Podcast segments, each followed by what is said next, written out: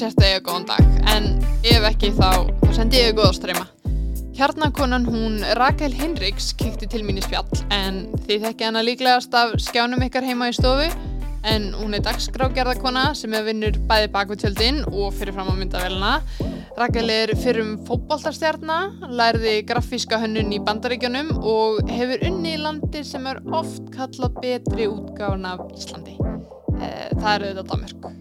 Hún er með aðdáðanavert viðhór til lífsins en hún tekur eitt dag í einu og er ekkert mikið að stressa sig á framtíðaplönum. En guðsilof því að það viðhorf hefur svo sannlega komið inn ansi lánt og í allskynns æfintýri. Þessi þáttur er tekin upp í podcaststudio á Akureyrar og er þar á leiðandi í bóði X-Mist og Múlabergs. Rakel Hinriks, þið svo vel! Hvort myndir þú frekar vilja að e, alltaf þegar þú væri að pitcha einhverja hugmynd fyrir sjónvarpi kannski, þá myndir þú alltaf síðasta orðið í setningunniðinu vera ógæslega skrækt. Þannig að þú væri kannski eitthvað svona, krakkar við verðum að fá nýjana gunna til að gera bögna þátt og það eru bara svona allar setningarna eina þannig. Eða að alltaf þegar þú væri í mynd, þá myndir þú vera með svona Cheetos ostakrydd á puttunum. Já, þetta er áhugaverð spurning. ég hef aldrei velt þessu fyrir mér, sko. Um, Ekki? Nei, reyndar ekki. En uh, ég hugsa að það væri betra að eiginlega bara hvað sem er kjánalegt á fundi í vinnunni heldur en í mynd. Já, einmitt. Þannig að, já, maður reynir að vera svona nokkurn veginn svona sómasamlegur til fara. Já. Þegar, þú veist, maður er að bjóða áhörvendum upp á, upp á eitthvað. Þannig að já, allir myndi ekki freka vilja vera pyrrandi á fundum, sko. Já, já, þú þekkir kannski fólki betur á fundunum já, og þannig. ég held að þau myndi bara svona, já, já, þetta er bara rækilega. Já, einmitt. En hérna, þú ert grafískur hönnur, er það ekki? Jú, ég, það er svona mentunin mín í rauninni. Já, einmitt. Hvað kom til að þú fórst út í það? Uh, sko, ég hef bara alltaf verið mjög, mjög, haft mjög mikla þörf fyrir að, teikna og skapa og búa til og ég er svona alin upp við mikla svona föndur og endur nýtingar um, já, menningu, ef, ma- ef maður segir sem svo, ég var alltaf föndrandi eitthvað og amma mín geimdi, þú veist, alla kassa utan af öllu og allar umbúðir og veist, hún hendi aldrei neinu og við vorum alltaf að föndra eitthvað, þannig ég er bara svolítið mikið alin upp við að búa til eitthvað úr engu. Og uh, afi minn var sem sagt hérna Uh, hann var sem sagt lærðu prentsmiður af því að þá var maður, gæt ekkert verið grafiskur hönnur, hann hefði núruglega verið það ef hann hefði fæst aðeins setna. En, hérna, en hann var sem sagt skrautskrifari og hérna málari og veist, hann gerði bara allt mögulegt sem tengdist þessu og ég, hann kendi mér að skrifa og hann kendi mér alls konar sem tengist svona, um, ef við vorum kannski bara að keira, fórum til Reykjavíkur kannski þegar ég var krakki og, og þá var hann alltaf að benda mér á svona uh, skilti eða eitthvað, það sem er svona logo fyrirtækja eru svona stór. Og bara svona, já, fyrst er í lægi þannig að bilið á milli. Þú veist, háið, og aðið er þetta í lægi og eitthvað, þannig ég var mjög ungfærin að læra, þú veist, um sko, einhvern veginn að horfa gaggrinum með augum á hönnun, sko, Já. og þá aðalega svona einmitt, svona tvíviða hönnun, sko. Mm þannig að þetta var einhvern veginn bara pínu í, í blóðbórið. Ég ætlaði reyndar á tímabili að verða fjölmiðlakona Já, ok.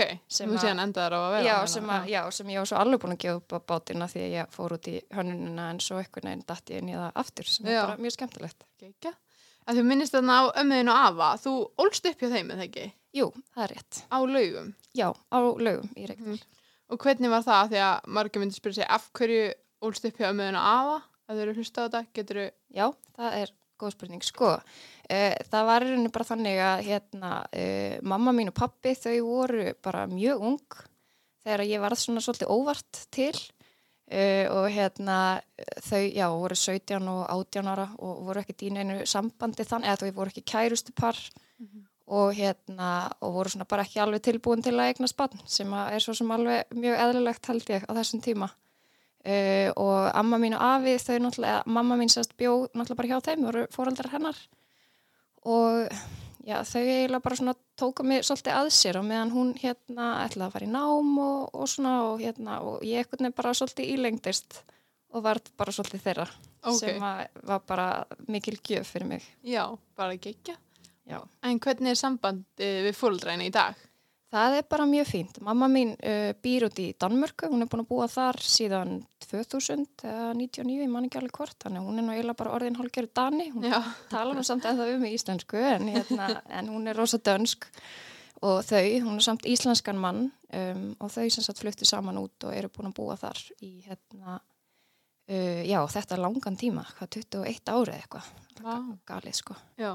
Uh, þannig að ég, en ég hef alveg verið duglega að heimsækja þau og ég bjó sjálf, sjálf í Danmörku í sex ár um, þannig að þá svona náðum maður aðeins að eða meiri tíma með þeim Mhm. og já, og pappi minn býr í Skagafyrði og við erum bara mjög góði félagar Já, bara gegja. Hvernig var þetta, þú veist, þegar þú varst lítil? Varst það að fá einhverjum svona spurningar frá krökkunum eða einhverjum jafnöldrum svona? Já, eða svona fólk var alveg forvitið um þetta svona, uh, veitu, átti ekki með pappa eða, eða eitthvað svona, ég er alveg svona, jú, jú, þau eru bara þarna, þau eru að gera þetta og þú veist, ég, hérna, var svo sem aldrei neitt feimin að tala um þetta, mér fannst þetta eitthvað neginn bara, jú, jú, auðvitað náttúrulega, þú veist, væri líi að segja að maður væri ekki stundum sjálfur svolítið hugsi í svona aðstæðum, Já, en mitt. með marga hluti, en ég náttúrulega bara fekk svo mikið drauma uppeldi og þú veist, eiginlega var þarna pínu eins og bómullan nóðri bara þarna hjá ömmu minn og afa þannig að þú veist, og hef alltaf átt skjól líka hjá mömmu minn og pappa báðum þau hefa bæði verið mér mjög góð þannig að þú veist, ég er rauninni bara grætti eiginlega. Mm -hmm. Fekk bara auka setta fóldrum eða? Já, svona í rauninni sko. Og svo eignast maður líka um, það er svolítið öðruvísi þegar mamma þín og pappi alaði ekki upp Mhm. að þá uh, kynnist maður þeim kannski aðeins öðruvísi. Uh, eða þú veist, mér finnst ég uh, hafa fengið svolítið svona skemmtilegt vinasamband við mömmin Já. og pappa þau eru heldur ekkert það brjálaðislega mikið eldri heldur en ég. Þannig að já, veist, oft finnst mér hérna eins og ég hafi kannski fengið að kynast þeim aðeins öðruvísi fyrir vikið. Já, mitt svona ekki þetta kannski ægi samband heldur meira svona þau, hérna, jújú, jú, þau eru náttúrulega alltaf til í að þú veist, að ráðleggja mér ef mér Já, vantar já, einhverja einmitt. hjálp eða eitthvað slíkt en þú veist, en hérna þau, það er líka hægt að tala við þau um svona einhverja kannski óþægilega hluti sem að maður myndi kannski ekki, ekki tala um við hérna, einhvern sem að skipti þau á blegunin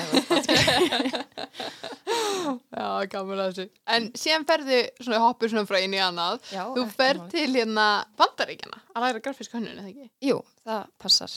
Ég, hérna, uh, já, ég var bara svo eitthvað tínt á tímabili. Ég, þú veist, þegar ég var búin með mentaskólan, ég fór í Akureyri og vissi í rauninni ekkit almennilega hvað mér langaði til að verða. Þú veist, mér langaði að gera eitthvað skapandi en ég vissi ekkit alveg hvað væri og ég var gerðsannlega, um, já, mjög upptekinn af fótbolta á þessum tíma. Ég spilaði mjög mikinn fótbolta þegar ég var yngri og þarna var ég í rauninni bara, það var það eina sem skipti máli. Ég, hérna, æfði eins og brjálæðingur og spilaði með mestarlokki Þór Káa og, og hérna og ég var örgulega einn af mjög fáum manneskjum sem fóru í gegnum mentaskólinu Akureyri á þess að fara í eitt einasta félag og Í ég alvöru? er ekki grínast ég Ekkert príma, ekkert ellema bara null, Vá. Ekkert. Og það Já. er ekki að ég hef verið eitthvað þetta var ekki viljandi. Þetta var Nei, bara, nei, ég bara hafði að gera engan tíma og ég var líka uh, sko, ég byrjaði ekki að drekka fyrir en ég var þú veist 21 eða eitthvað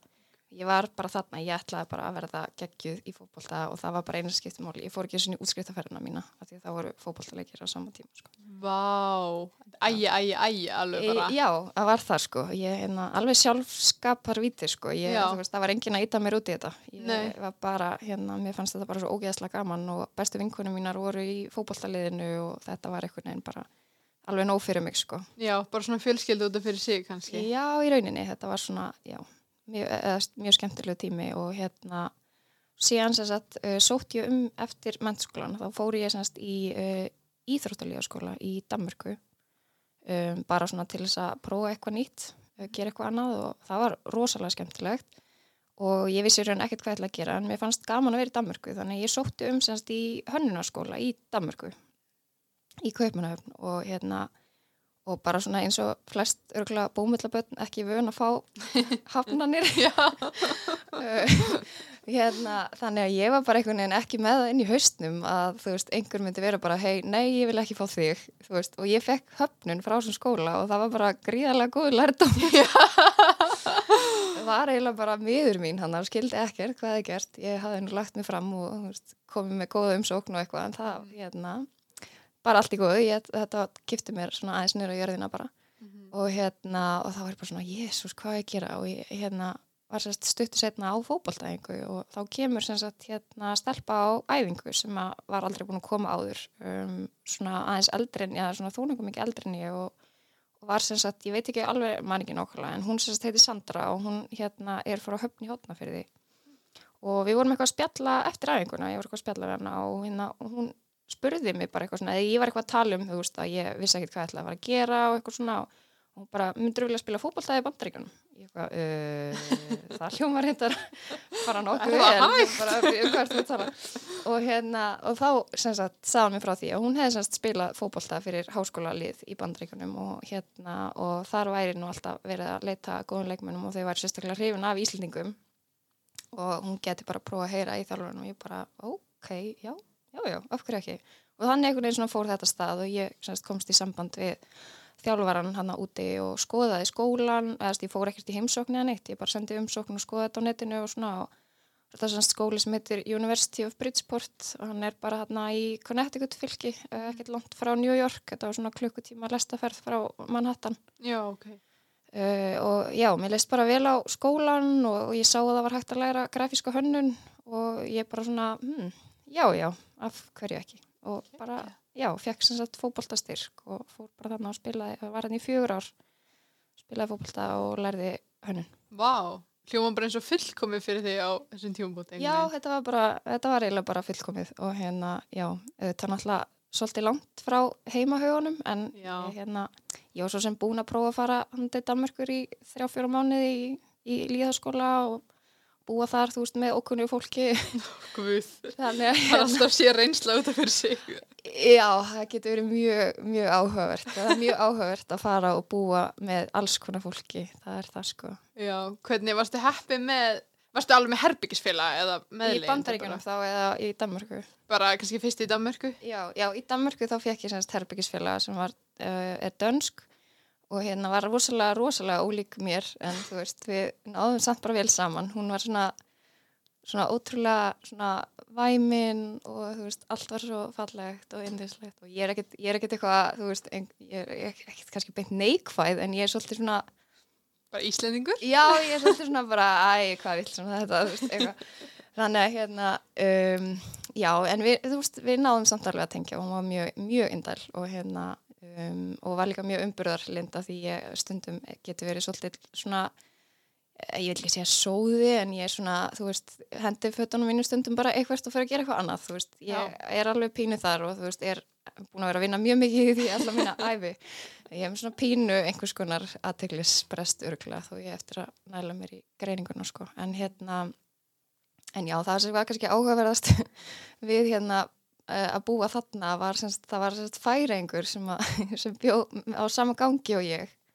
Og hann var sagt hérna bara indestlegur og allt það, mjög fítinn og hérna, hann var svo svolítið eldri en allir hinnir og hann fekk alltaf sendt hérna að heiman eitthvað mat, svona eitthvað sér færeist út af því að veist, hann var eitthvað voða, veist, saknaði færiska matarins eitthvað, þetta er svo ég myndi bara fara að láta senda mér slátur eða eitthvað þú veist, þetta var mjög skrítið, eða veist, okkur fannst þetta pín skrítið, en það versta Já. við þetta kannski var að það var sérst svona samilegt eldhús svona við endan á, á ganginum og sko við, það var náttúrulega mötuneyti þarna þannig að maður þurfti ekkert að fara eitthvað í eldhúsið og elda sér en hann sem sagt, honum fannst það mjög mikilvægt og, og gerði það annars lagi þá styrst elda hann sér einhvern svona síin fisk sem að er eitthvað svona færist, veist, þetta Ok. er ekki já, þetta er ekki eins og síin fiskur hér þetta er svona einhvern pínu eins og hann sé bara skemmtur held ég, þetta er svona, þú veist það var alveg svona svipulykt af þessu eins og skötu.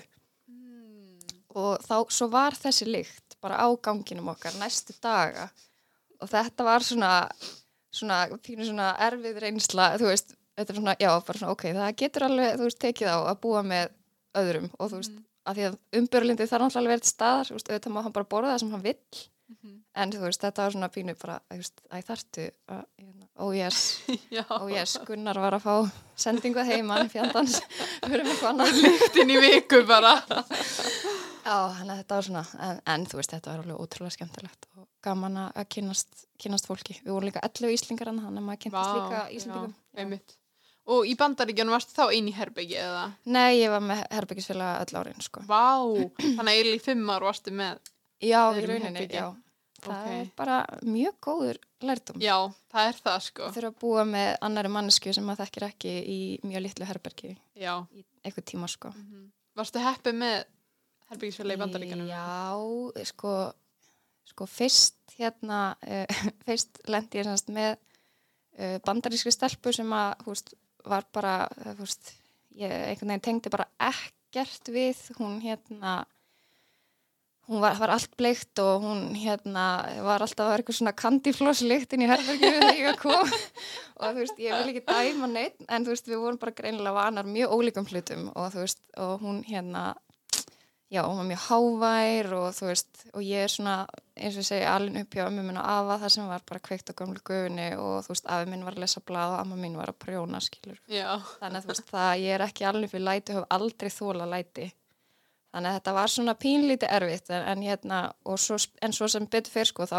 fannst henni heldur ekkert næs að vera með mér, af því að ég er náttúrulega bara úksla leðileg, þú veist, og, þú veist nefndi ekki að góla með henni og dansa og syngja skilur, Já.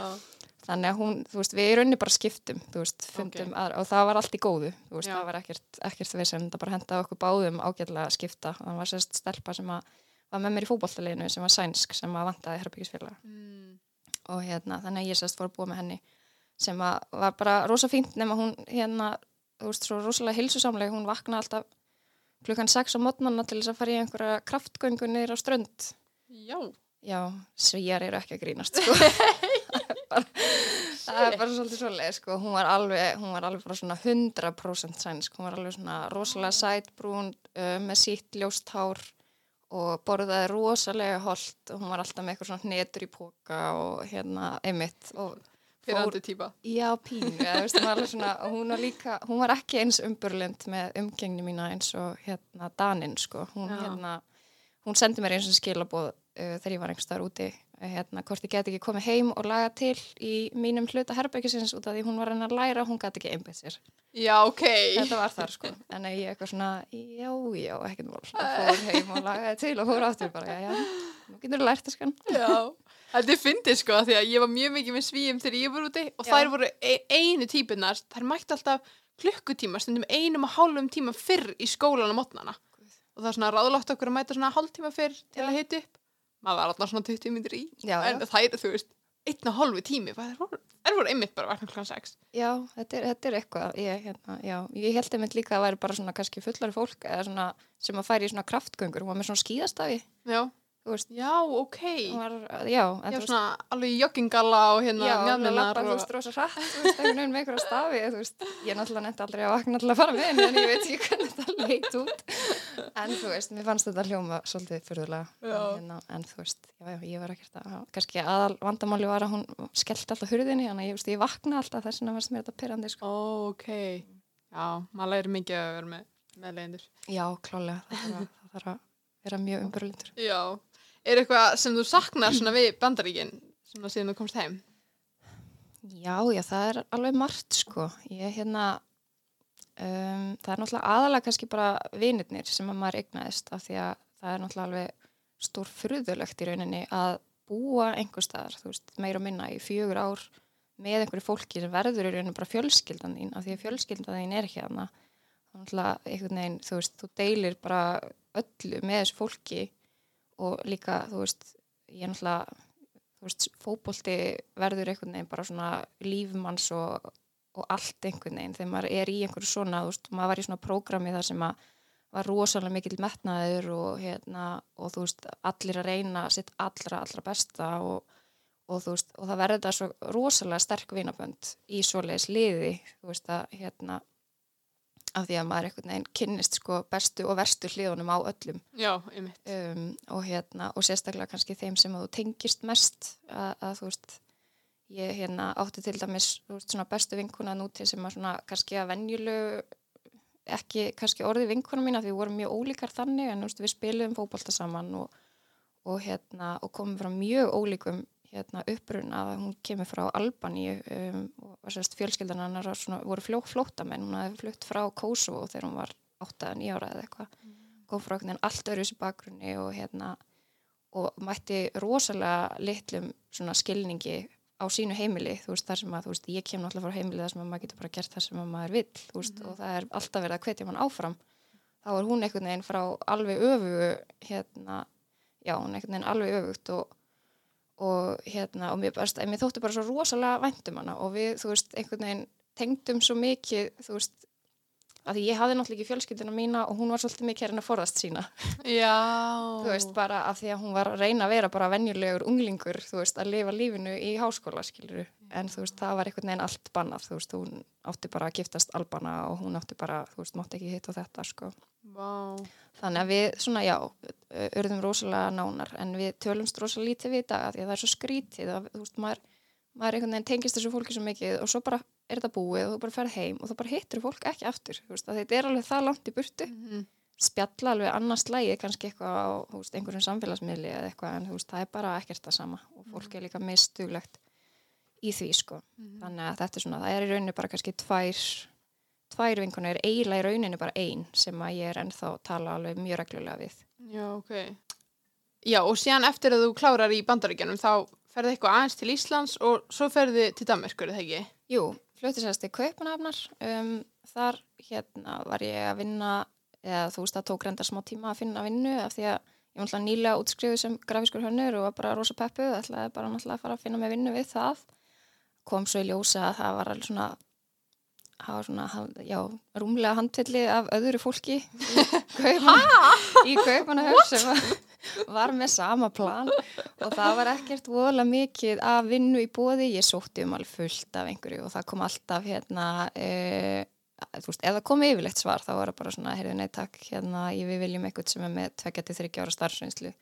Alltaf. Það er nefnilega það. Og hvað var svo að finna þessa starfsins? hvað er maður að byrja, ég rætti þetta við alveg, heyrði í fólki sem ég þekkti ekki neitt og bara hérna hvað ég, hvað ég að gera skilur og, og hérna, og það kom í ljósa þú veist, bara svona venjulega leiðin þar ef þú kemur ekki út úr, þú veist, hönnunarskólanum þar, þar sem þú náttúrulega kannski ert búin að finna þér einhvers konar net Já. kynnast fólki skiluru uh, þá er það í rauninni bara að vinna frítt í tvö ár sem einhvers konar praktikant eða eitthvað Í tvö eitt ár? til, eitt til tvö þú veist, það er, alveg, það er í rauninni bara þannig þannig að þú veist, en reynda náttúrulega Danir eru rosa sniður með það að þú veist að það, maður getur alltaf einhvern veginn fengið fengið einhvern styrk eða eitthvað, þú veist, á móti skilur þú veist, þannig að þetta er auðveldar að vinna frít Já, já. í Danmörku heldur en hér eða þú veist, ef þú sýnir fram á og þú sért uh, í rauninni með einhvers konar internship eða svo leiðis, þú veist, að þá getur þú fengið eitthvað, eitthvað styrk og eitthvað svona þetta er alls konar eitthvað svona, þú veist, það gera mann þetta alveg klift en þetta er náttúrulega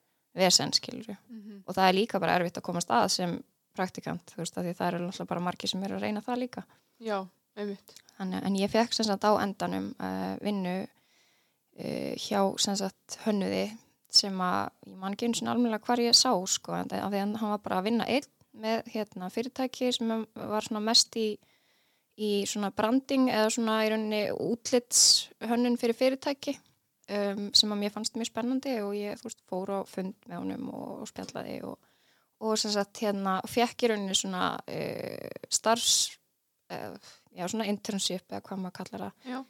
í þú veist tvo-þrjá mánuði og hérna og það bara, já, gekk það vel hann bauði mig bara strax launavinnu en það var samt, ég var aldrei á einhverjum hámlaunum en, en þetta var, þú veist, mjög skemmtileg vinna og ég lærði alveg ótrúlega mikið ég var að vinna þarna í fjögur ár Vá.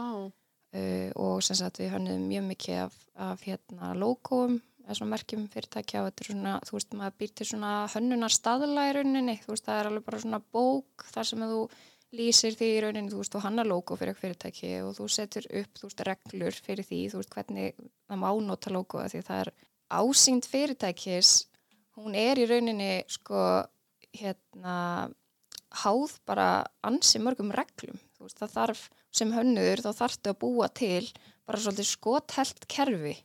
Þannig rauninni hver sem er geti tekið við uh, að hanna fyrir þetta fyrirtæki og það muni ekki breyta hanninu.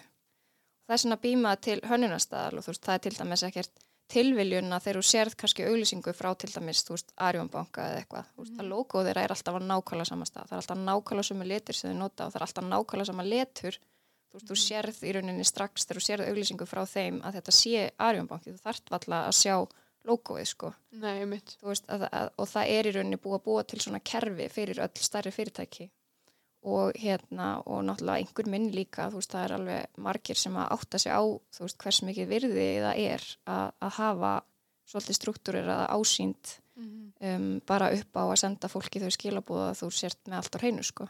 Já, einmitt. Þannig að ég var í rauninni mjög mikið í þessu við byggum til svona hönnunarstaðala upp á sko yfir hundra síðustundum blaðsíður sko. Voru Þannig að fyrir fyrirtæki, þannig að þau voru bara ráðið ykkur inn til í rauninni hanna allt fyrir fyrirtæki. Já, þetta var í rauninni bara þannig, þú veist, það kom kannski einhver og heyrðu, okkur vantar hérna, við erum með þetta fyrirtæki, við erum annarkvort breyta, við erum að gera nýtt, þú veist, við okkur vantar logo, svo vantar okkur, þú veist, það þarf að velja liti, það þarf að velja letur, það þarf að velja, þú veist, hvernig, hvernig á, þú veist, brefsefni að líti út, hvernig á heimasíðan að líti út, hvernig á, þú veist, bæklingar, ef við gefum út bæklinga, hvernig á þeirra líti út og þú veist, þetta er í rauninni bara, svo býr maður bara til reglubók Vá. og. Og hvernig er það að velja bara eitthvað, á ég að hafa hérna Times Roman eða Arial? Já, sko, hérna, þú veist, ég er oft í þessu, hérna, í þessari umræðu í vinnunni vegna þess að, hérna, um, til dæmis, þú veist, tæknimenninir eða tæknifólkið og þau eru náttúrulega bara frábæra góði því sem þau gera en þau náttúrulega hafa ekki drosalega mikið álit á letri, þeim finnst letur bara að vera letur. Mhm. Þú veist, letur er, þú veist, annarkvort, þú veist, Arial eða Times New Roman eða eitthvað. Mhm. En þú veist, máli er að það náttúrulega bara til óendanlega mikið af leturgerðum og það er heil fræði á bakvið letur. Það er í rauninni, það er fólk sem fer í háskólanám engöngu til þess að stúdera letur Vá. og ég menna það er náttúrulega fólk sem býr til letur. Þannig að veist, að það er allt mjög áhugavert og ég hef náttúrulega verið að pæla í letri frá því ég var smákrakki líkuð í gegnum afa minn. Uh, og það er bara alveg ótrúlegt hvað mismunandi letur sendir mismunandi skilabóð ómeðvitað til fólks.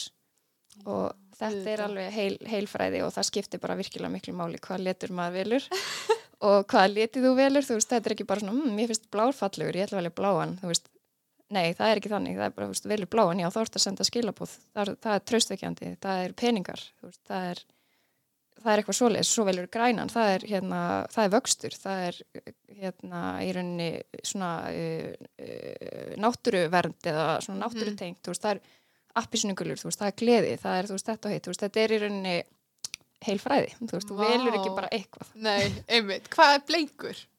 Bleikur, ég myndi nú bara, ætla þessi ekki bara svona uh, hlýja Ok. og gleði, Mhm. ást. Ok. Það er ágætt, það er logoði bleikt, en það var einmitt bara svona að vinkonum gerði það fyrir mig og ég eitthvað að bara einhvern lit. Og hún setti bara einhvern lit sem að henni var svo mjög flottur sko og kannski var þetta hu hugmyndafræða bak við þetta. Já. ég var bara spókust þetta staði nokkuð fyrir eitthvað. Nei, ég held ekki og þetta er þetta náttúrulega ekki, þetta er ekki hókja í stein skilur þau. Nei, en samt, það er gaman að pæla í Þú þessu. sendir ákver, ákveðin skilabú, það er bara mikill munur á það hvort þú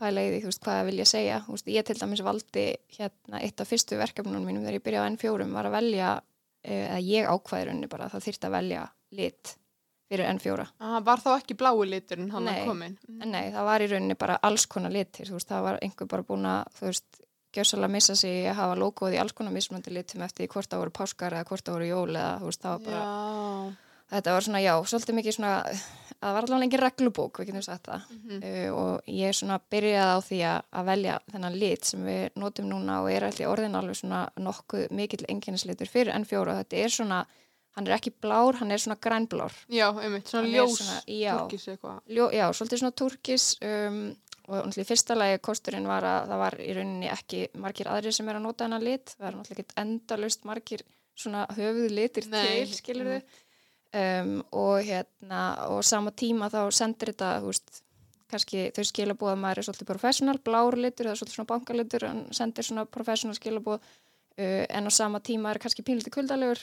Mhm. þannig að maður blandar pínu grænu í sem er í rauninni, þú veist, af því að við stöndum svolítið mikið fyrir bara uh, bara áhuga á fólki og það sem fólk er að gera og þú veist, þetta er alveg oft svolítið persónulegt og, og hérna uh, og við erum í rauninni að segja sögur af fólki sem ekkit allir þekkja bara þú veist, hvað er hérna Jón Bóndi hérna í Mhm. Báradalinum að gera skilur, þú veist, ekki hvað Jón Jónsson söngur að gera, þú veist, Nei, þetta er, þú veist, þetta er í rauninni, við erum rosalega mikið bara út um alla trissur og, og hérna, og erum að reyna einhvern veginn að koma sögum fólks til áhörenda um, og, og það að bakið í liggur náttúrulega bara svolítið mikil hlýja og bara ást til fólks. Já, algjörlega. Bara að kynnast hvort öðru. Mhm. Ef við spólum aðeins aftur bak, þú klárar Danmörsku, þannig að fjögur ár, hættir þar og kemur svo, ferðu, hvað kemur til þú byrjar enn fjórum? Ferðu beint þar eða?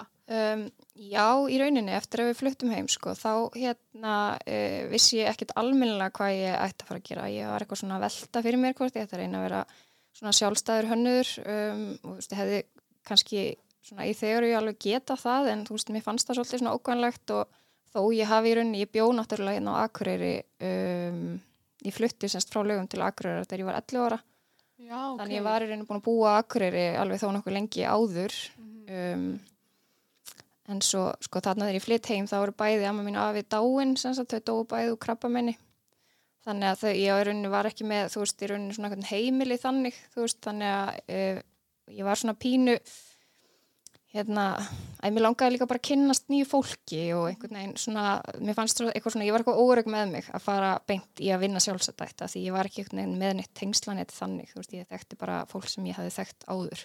Já, og hérna um, verið kannski með í skóla eða eitthvað og þá náttúrulega fólk bara gera alls konar og það var kannski ekki endilega eitthvað í einhverju sem ég hefði getað nýtt mér skiluru þannig að hérna, já, ég svona ég prófaði sagt aðeins að þreyfa fyrir mér og, og svo fór ég sérst á svona, um, þetta heitir svona atvinnusýning eða eitthvað sem er alltaf haldina árlega á sögakróki Já, ok. um, ég var bara þar fyrir tilviljun sko. og þar eru sérst fyrirtæki bæði frá úrskagafyrði og líka einhver önnu fyrirtæki eru sérst bara svona að kynna þetta er bara svona eitthvað íþrótársinu þar og þar eru bara þessi fyrirtæki að kynna í rauninni sína starfsemi og eitthvað svona, þú getur bara gengið á milli og, og skoðað og eitthvað svona. Og ég var bara eitthvað hann að dúla mér og, og þá var semst N4 þar og ég hitti þar semst uh, og, og rætti aðeins við Mari Björk sem er semst framkvæmdastjóri N4 og hafði aldrei talað við hana áður. Og hérna og það var bara, mér fannst eitthvað bara svo áhugavert við, veist, einhvern veginn það sem þeir voru með þarna og hérna og ég saði svona eins frá sjálfur mér, þú veist, hvaðan ég væri að koma og þú veist, hvað ég hefði áhuga að gera og eitthvað svona og þú veist, að ég vissi að þeir voru með grafíska hönnuð í vinni til dæmis Mhm. þannig að, og hún hérna fekk strax að einhvern áhuga á því að reyna eitthvað að nýta mína krafta og hérna, og ég, sérst, en hann vantaði ekki tönnuð þannig að ég var þá í rauninni bara fyrst ráðin til þess að koma aðeins inn og fara aðeins yfir bæði, bæði heimasíðuna sem þau, þau voru með þá og hérna, og í rauninni mitt þetta útlitt fyrirtækisins, þú veist, hvort það var ekki hægt að gera eitthvað strömlínulega það eitthvað. Mhm. og hérna, og í rauninni bara svona pínu óljóst hvað ég ætti að gera sko. Uh, jafnvel fara eitthvað út í framleiðslu sem ég ennlega viss bara ekkert um sko, þú veist, eitthvað, ég vissi ekki einu svona hvað, þú veist, ég vissi ekki einu svona þyrft að framleiða þú veist, ég var bara, já, ok, fínt ég er bara til hvað sem er. Þannig að ég er svo sem alltaf verið hérna óhrættu að prófa alls konar, þannig ég bara, já, já, þú veist, vinna og þetta er bara gegja, ég veist, til í þetta. Og mér fannst þetta líka bara einhvern veginn strax lít út fyrir að vera svolítið svona lifandi vinnustæður þar sem að, þú veist, væri rými til þess að skapa. Og það er í rauninni, þú veist, í grunninn það sem að ég þar, hef þörf fyrir að gera. Það Já. er að í rauninni að búa eitthvað til og það er ekkit, skiptir ekkit öllum máli hvað það er nei, mitt, það hefur greinlega komið líka langt að vera bara eitthvað, já, prófum þetta bara Já, já, og svo sjáum við hvað gerist. En þetta allan að bara, þú veist, vatt mjög fljóðlega upp á sig og ég fór bara í, alls konar verkefni og bara byrjaði reynda samt ekkert að, að vera fyrir framann myndavæluna fyrir en sko ég var búin að vinna þarna í rúmt ár sko. Já, var það eitthvað alltaf svona planið eða eitthvað sem kýtlaði eitthvað? Nei, í rauninni ekki. Ég var, ég, þú veist, hún myndist einhver tíman á það við mig, þú veist, kannski einhvern tíman í framtíðinni veist, og ég var alveg búin að hafa það svolítið svona í huga og vera jafnvel bara pínu stressuð Já, yfir svona, til ó, hugsunni bara. Vonandi "Hm, er minnist það- þenni ekki á þetta aftur. Já, er það eitthvað er ekki, sko, þú veist, eitthvað, en, en, en hérna, en svo einhvern veginn var ég nú komið svona aðeins meira sjálfströst í það og hérna, og þegar hún stakk upp á því að, að hérna, að ég myndi prófa að, að fara í ferð fyrir semst að norðan sem er svona mannlífstáttur þar sem við förum í heimsókn til Norrlendinga og hérna gerum innslög, þetta er svona bara ekkert ósvipa á landin þannig, þetta eru svona innslög þar sem að maður kynnist kannski, þú veist, einhverju fólki eða einhverju atvinnu eða þú veist, einhverjum, hérna, einhverju fyrirtæki eða, eða þú veist, einhverju málefni eða það er verið að byggja nýjan skóla þarna eða eitthvað, þú veist, þetta er svona, já, vettvangsþáttur eða svo leis. Þannig að ég fór sér satt þá og ég fór í eina ferð þannig og, og, og fannst þetta bara strax eitthvað svo gaman. Ég, hérna, ég reyndar, þú veist, er alveg ennþá svona pínlítið svona meðvitið um sjálfur mig svona, þú veist, að, þú veist, fólk sé, skilur að, að horfa á mig í sjónvarpinu, þú veist, mér finnst það, þú veist, eitthvað, ég, hérna, jú, jú, það blöndar öruglega alveg smá aðtiklisíki í manni, skilur eða flestum, eða, Já, eitthvað, veist, en já, já, en ég er svona kannski ekkert alveg efst á rófinu þar sko, mér finnst það kannski ekki beint óþægilegt en stundum, stundum finnst mér það svona pínlítið hérna, að ég veit ekki, ég, veist, ég rætti þetta eins við hérna Maríu mitt þegar við tókum svona þessa ákvörðunum að ég myndi prófa þetta. Mhm. og, og hérna og hún sagði, þú veist, við mig að þú veist, þú, þú gerir alveg grein fyrir því að þú veist, þegar þú ferð út í þetta þú veist, þá ertu í raunin að gefa færi á þér, þú veist, þú veist að gefa fólki færi á því að gera sér skoðun á þér persónulega, án þess að þau þekki þið neitt. Mhm. og, og það er samt í rauninni ef maður pælir í því alveg rétt. Út af því að þú veist maður telur sig vita til dæmis hvernig manneskja, þú veist, gíslimartin er eða eitthvað, þú veist, ég þekki hann ekki neitt. En maður ímynda sér einhvern veginn hvernig manneskjan er sem er í sjónvarpinu þú veist, þú telur þig vita eitthvað um viðkomandi en þú, svo kannski veit maður bara ekki neitt. Nei, og þú veist, fólk er kannski ekki endilega nákvæmlega eins og það er í, þú veist, daglegu lífi þegar það er, þú veist, í þessum aðstæðum. Nei, mitt. en ég er náttúrulega, þú veist, er lang oftast í sem sagt hlutverki spyrils Mhm. þannig að þú veist, þá er þetta í rauninni ekkert þú veist, ég er alveg vel meðvituð um það þá er ég ekki í sviðsljós, sviðsljósinu. Þú veist, það er í rauninni mitt hlutverk að uh, að viðmælandi minn komi vel út Mhm. og komi því til skila sem að hann eða hún vill og hérna og það er bara, þú veist, annars lægið sem að ég í rauninni kannski tekja eitthvað svona virkan þátt eða er í mynd eða, eða eitthvað slíkt, Mhm. þannig að þú veist, þetta er náttúrulega aðalega og þá er bara kannski gott að maður sé ekki of aðteglisjúkur Já. vegna þess að þú veist, þá maður á ekki að vera að stela sviðsljósinu frá viðmælandan Nei, einmitt alls ekki. Ég leiði bara að tala. Já, akkurat, þetta er einmitt í fyrsta skipti held ég bara var örgulega sex ára eða eitthvað sem að ég er sjálf í viðtali þannig Já, að mér finnst það alveg svona pínlítið skrítið sko, ég veit ekki það alveg þú ert að standaði mjög vel, sko, þetta er ekki ekki. Það er sko pressa að vera með spyril í viðtali.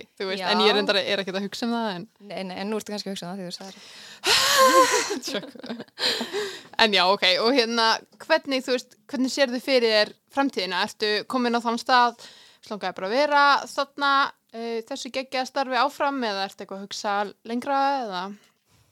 Nei, eða þú veist, ég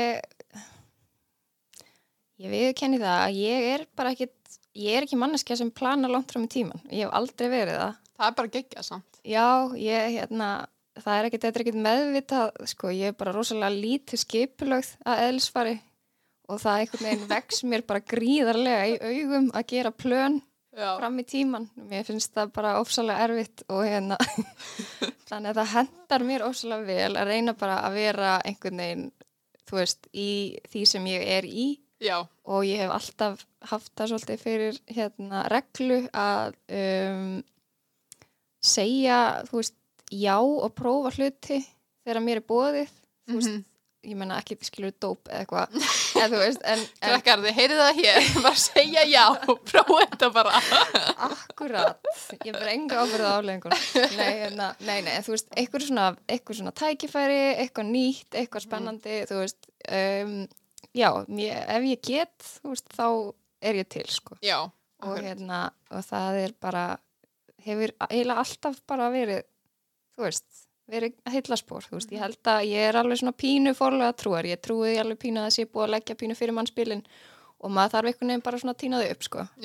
þannig að hérna, já, ég, eins og ég segi ég ger ekki plön framtíman, ég geti ekkert reynda að ímynda mér það hvar ég verði eftir fimm ára eða, eða eitthvað sleikt sko. ég, hérna, það kemur bara í ljós já, ég meina, maður veit líka aldrei, ég held að enginn séð 2020 fara eins og það fór hvort þið er, þannig að þú veist, Nei. þetta bara fyrir eins og þetta fyrir held ég. akkurat, það er alveg rétt sko. Já, ég líka elska hvað þérna reynskilni að bara ég er sóði, ég er óskipulag, ég er, er fíld í bótt, sko.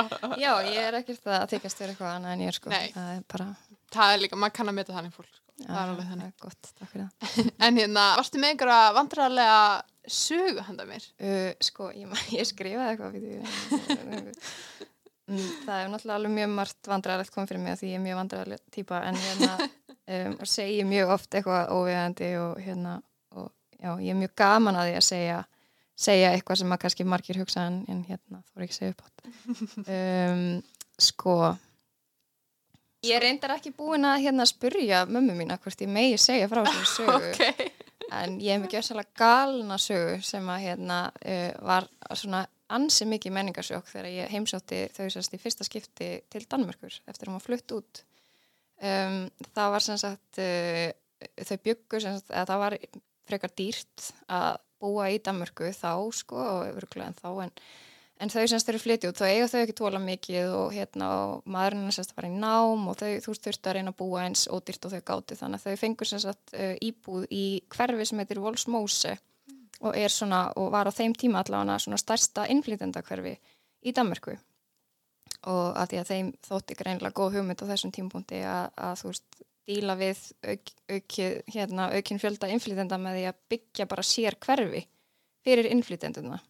Sem að svo, þú veist, á þess að ég nenni að fara að vera eitthvað pólitísk, er náttúrulega bara að skapa eiginlega fleiri vandamál heldur en það listi, sko, af því að þú veist, þá náttúrulega uh, er mun minni kvati fyrir innflytenduna að, að blandast samfélaginu um, og hérna, og verður svona kannski aðeins erfiðar að díla við það en þú veist, mm. já, förum ekki út í það allavega hana, þá hérna uh, þau byggur semst hérna í svona raðhúsi um, og það voru semst að það var svona einhver moska eða eitthvað hérna rétt hjá og það var alltaf mjög mikill háfaði og allir að dansa og svo gaman og það var allt svona svolítið mikið öðru sem það sem mamma var vanur sko ég var náttúrulega hvað 14 ára eða eitthvað þegar ég kem hérna mm -hmm.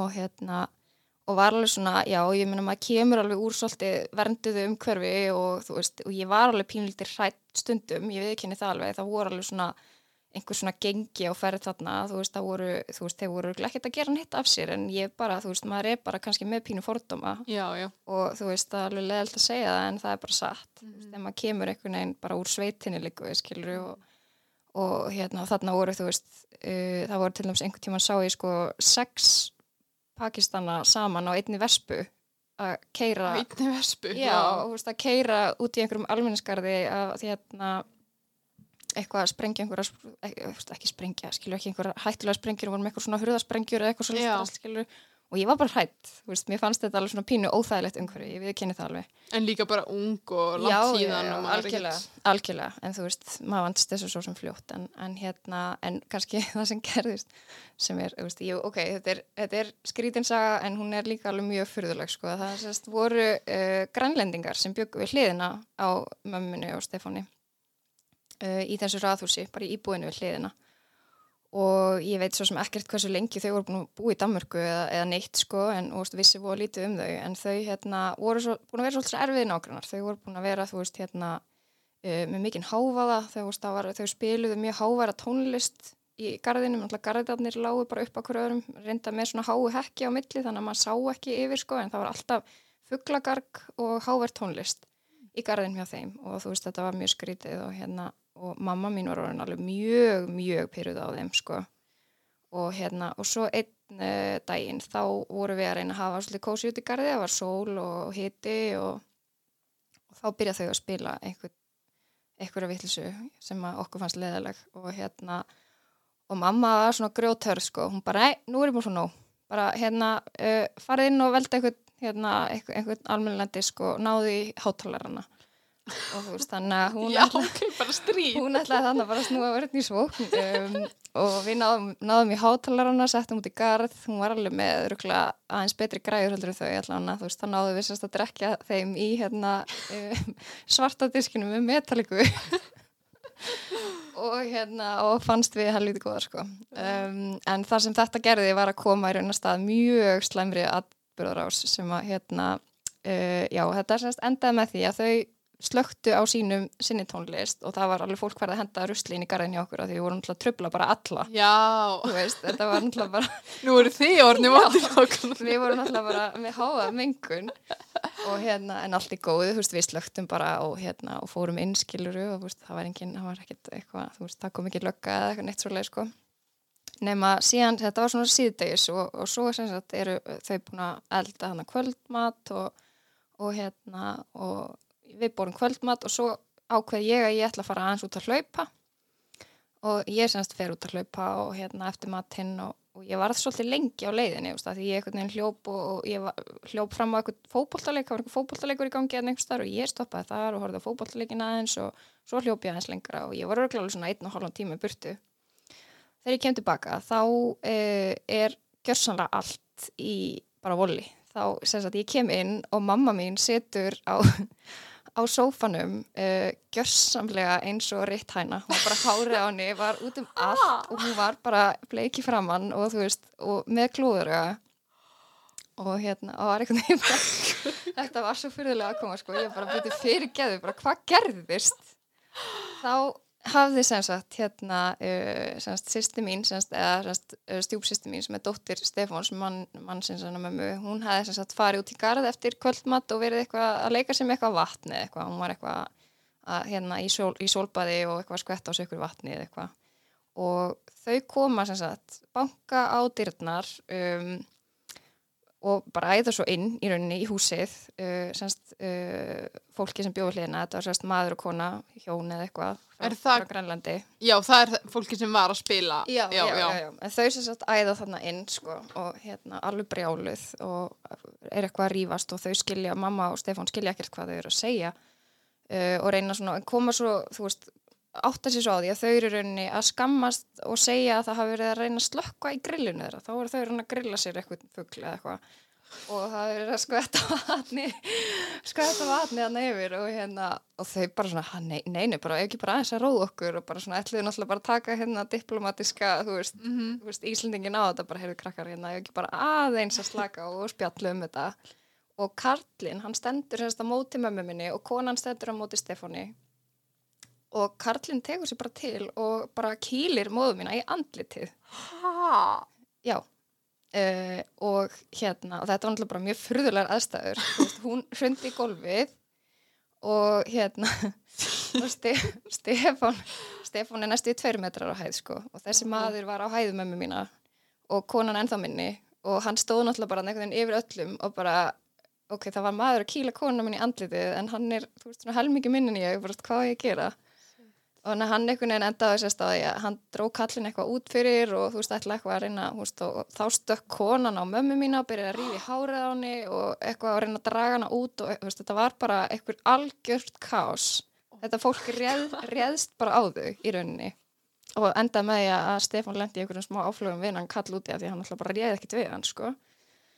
Og já, ég, hérna, ég var fyrstulega mjög svegt að mista af þessu. Af því að þú veist, ég var náttúrulega bara, ó, vá, ég því ég til ég að vera með þessu. Eða fegin. Spurning. ég veit ekki, ég er svona, það er kannski alveg svona hluti á ástæðinu fyrir að ég hef alltaf gaman að vera í fótbolta, ég, veist, ég er kannski ekki árásakjörn en ég, veist, ég þarf alveg að fá útrás. Já, kraftmikil. já, ég, já, ég get alveg það er alveg hægt að segja það, ég hef alveg gaman að því að tuskast, sko Heldur þú hefði bara farið inn í og bara nefn og lofti? ég ætla alveg að hugsaði það bara, ó, djúvill, ég hef verið til, ég að taka, láta til mér taka það, sko. En Já. þú veist, nei, nei, en hérna, ég veit ekkert hvað ég hef gert, kannski hef ég bara orðið skítrætt og hlaupið í burtu, sko, það getur vel verið, maður veit ekkert, Maður veist, veit ég hef aldrei lendið ykkur um áflógum, sko, ég, þú veist, er ekki komið í það, en jú, jú, maður er alveg verið pínu gróður á, á fótboltallinum, sko, ég hef kynna það alveg. En hérna, en já, þetta sérst allavega endaði mjög kjánalega, þú veist, það, þau náttúrulega bara lufsuðust heim til sín og hérna, svo bara ringt á lögregluna og, og lögreglan kom hana og rætti við báða aðla og hérna, og ráðlögðu þeim sem sagt mömmu og Stefáni að kæra þetta ekki vegna þess að, hérna, að það myndi bara vera orð gegn orði og þau myndi bara í endalösum málaferlum og þetta myndi bara vera vesen. Mm. Þannig að eina sem þau gerðu í rauninni var að hérna bara uh, kæra þau til hérna einhvers hús, uh, húsfélags eða húst eitthvað, einhverju svona, var eitthvað svona félag sem sá um þessa byggð Mhm.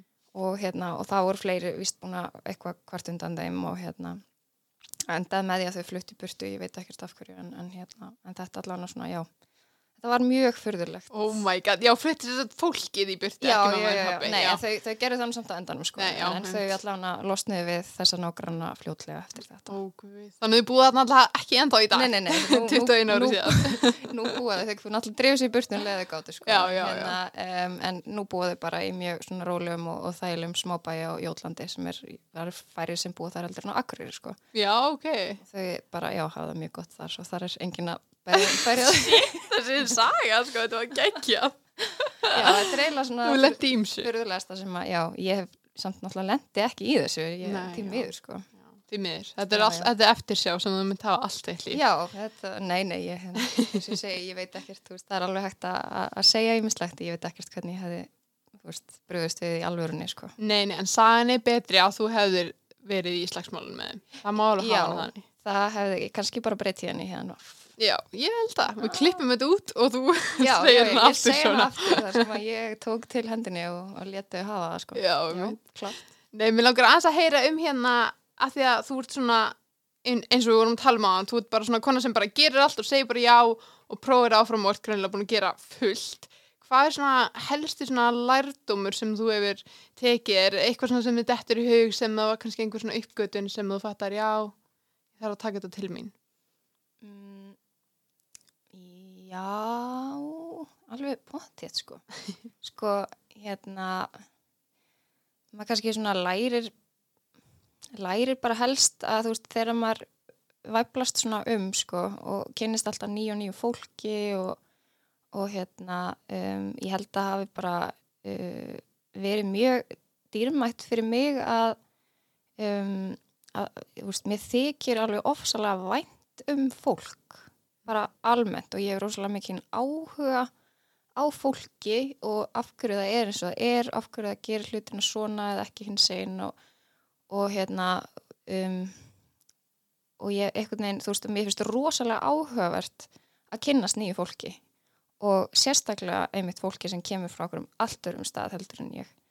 Um, og það einhvern veginn hefur bara hjálpa mér svolítið mikið bara líka í samskiptum við fólk sem er svipað og ég af því að maður þarf að uh, einhvern veginn gera sig grein fyrir því að þú veist, það er engin eins og þú veist aldrei hvernig einhverjum öðrum líður eða hvað einhver annar er að hugsa, þú veist, þú veist bara hvað þú ert sjálf að hugsa. Og uh, það er bara og líka náttúrulega bara það sem maður hefur svolítið að leiðaljósi á N4 er bara að það hafa allir einhverja sögu að segja. Veist, það hafa allir frá einhverju að segja, þú veist, það eru allir áhugaverðir. Stundum þarf bara að hafa aðeins meira fyrir því að fá söguna. Um, það er ekki allir til í það að opna sig eða að segja frá hlutunum, en það er líka hægt að kynnast fólki á, á allt öðruvísi, þú veist, þú getur kynnst fólki með því að tala bara um eitthvað sem skiptir einhver máli, bara á því hvernig þau eru og hvernig þau haga sér og þú veist, hvernig þau gera hlutina.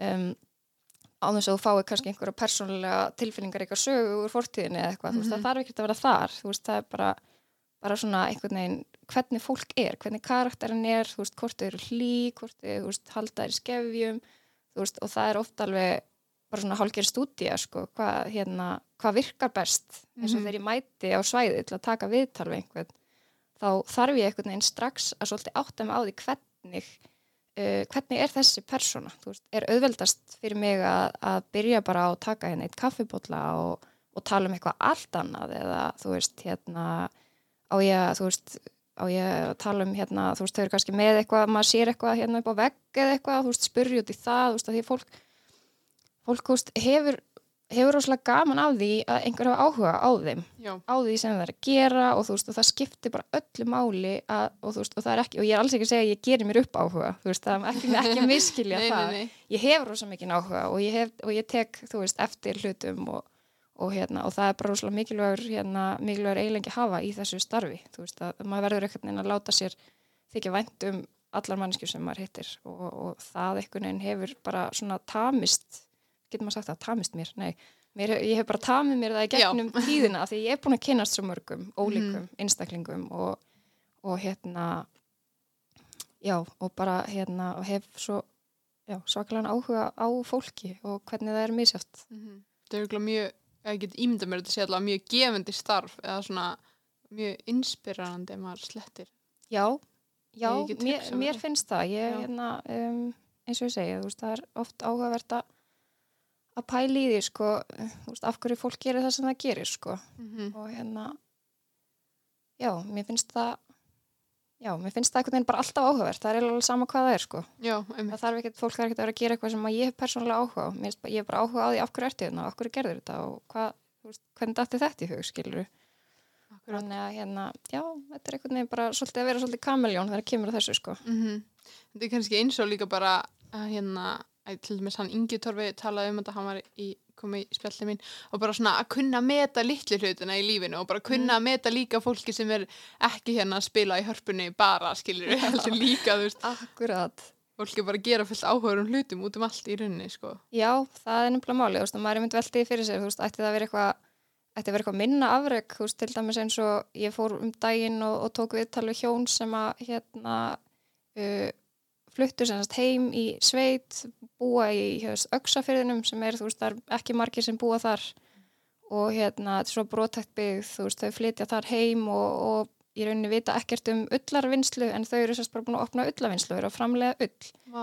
og hérna, og þú veist, mér finnst þetta ekkit eitthvað ómerkilegra afreg heldur en að þú veist, starta einhverju fyrirtæki sem fer í fréttinnar, skiluru, eða þú veist, eða að klifur upp okkar fjall eða eitthvað, skiluru, þú veist, að eru, það eru svo margar svona sögur út um allt Mm af, þú veist, fólki sem að gerir kannski hluti sem að voru ekkert svona alveg, svona lág beinast við, skiluru. Já, nákvæmlega. Þannig að, hérna, já, það eru, það eru áhuga sögur út um allt, sko. Já, ég held líka bara, þú veist, alveg, kannski við Íslendingar oft og kannski bara margir og ég klálega, maður er svona hrættur við hverstagsleikan, eða svona, það er ótrúlega leiðilegt að vera bara einhver 84 vinni og fara svo bara til teneri og sömrin en síðan er svona, hvað er að því, þú veist, það er ekkit, ekkit verra en eitthvað annað, þú veist, ég meina hverstagsleikin er basically allt lífið, eða þú veist, það eru bara einhverju nokkru dagar ári sem að maður eru ekki hverstagsleir. Já, já, Það eða, þú veist, það er alveg rétt, sko, þú veist, það er, það er þegar maður getur, sko, sætt sér við að,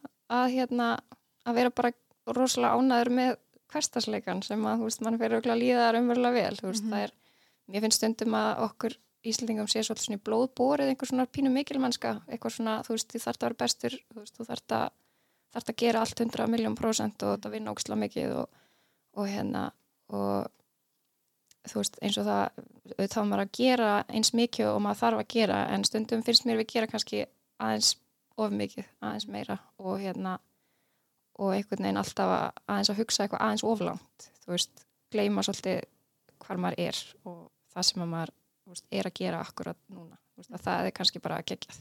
Já, nákvæmlega, kunna að meta hverstagsleikan. Já, einmitt. Hérna, en svona á þessum nótum, ertu með eitthvað pepp fyrir hlustendur svona út í daginn? Pepp, já um, Já, ég var svona aðeins búin að hugsa um þetta því þú varst búin að, hérna, að nefna þetta að þú Mhm. myndir vilja byggja um eitthvað pepp Alltaf gott að peppast, sko. Það er mjög gott, sko um, Það er nefnilega þannig, sko ég var, ég er nýbúin að tala við að taka viðtal hérna um, þar sem var rætt, rætt um sko byggðaþróun og það er náttúrulega hljómar ekkert rosalega sexy en Slöku á þessu viðtali Já, núna. sorry. Nei, hérna, en sko, pointið er að náttúrulega byggðaþróunin á Íslandi er náttúrulega svolítið þannig og hefur verið mjög uh, áberandi svona það sem maður kallar eiginlega borgvæðing, þú veist, að fólk er rosa mikið að flytja í bæinn. Mhm. og bara svona hægt og rólega þá mink, eða, veist, hækkar er hlutfallið á milli borgarbúa og dreifbýlisbúa. Og mér langaði bara að, þú veist, hérna að leggja svona smá lóð á vogaskálanar fyrir dreifbýlið sko því að þú veist ég hérna er náttúrulega bara sjálf í þú veist eðli mínu og í blóðinu bara dreifbýlistúta og ég elska það Mhm. mér finnst bara hérna landsbyðin geggjuð og hérna það er svo margt geggjað sem er verið að gera hérna út til álandi og hérna og það sem ég langaði kannski bara svona svolítið að segja er að þú veist að mér finnst að fólk ætti að vera aðeins opnara fyrir því að spá í lífið út á landi og þá er ég kannski að beina orðum mínum til höfuborgarbúa mér finnst höfuborgin alveg frábær og allt það, veist, Mhm. ekkert út á það að setja. En sko um, þegar þú veldi í fyrir hvort þú ættir að kaupa sko kjallarahólu í, í hérna vesturbænum eða fyrir sama pening fáðu gegja einbílisús á Akureyri, þú veist ég veit ekki, þú veist, það má alveg kannski pæla í því sko.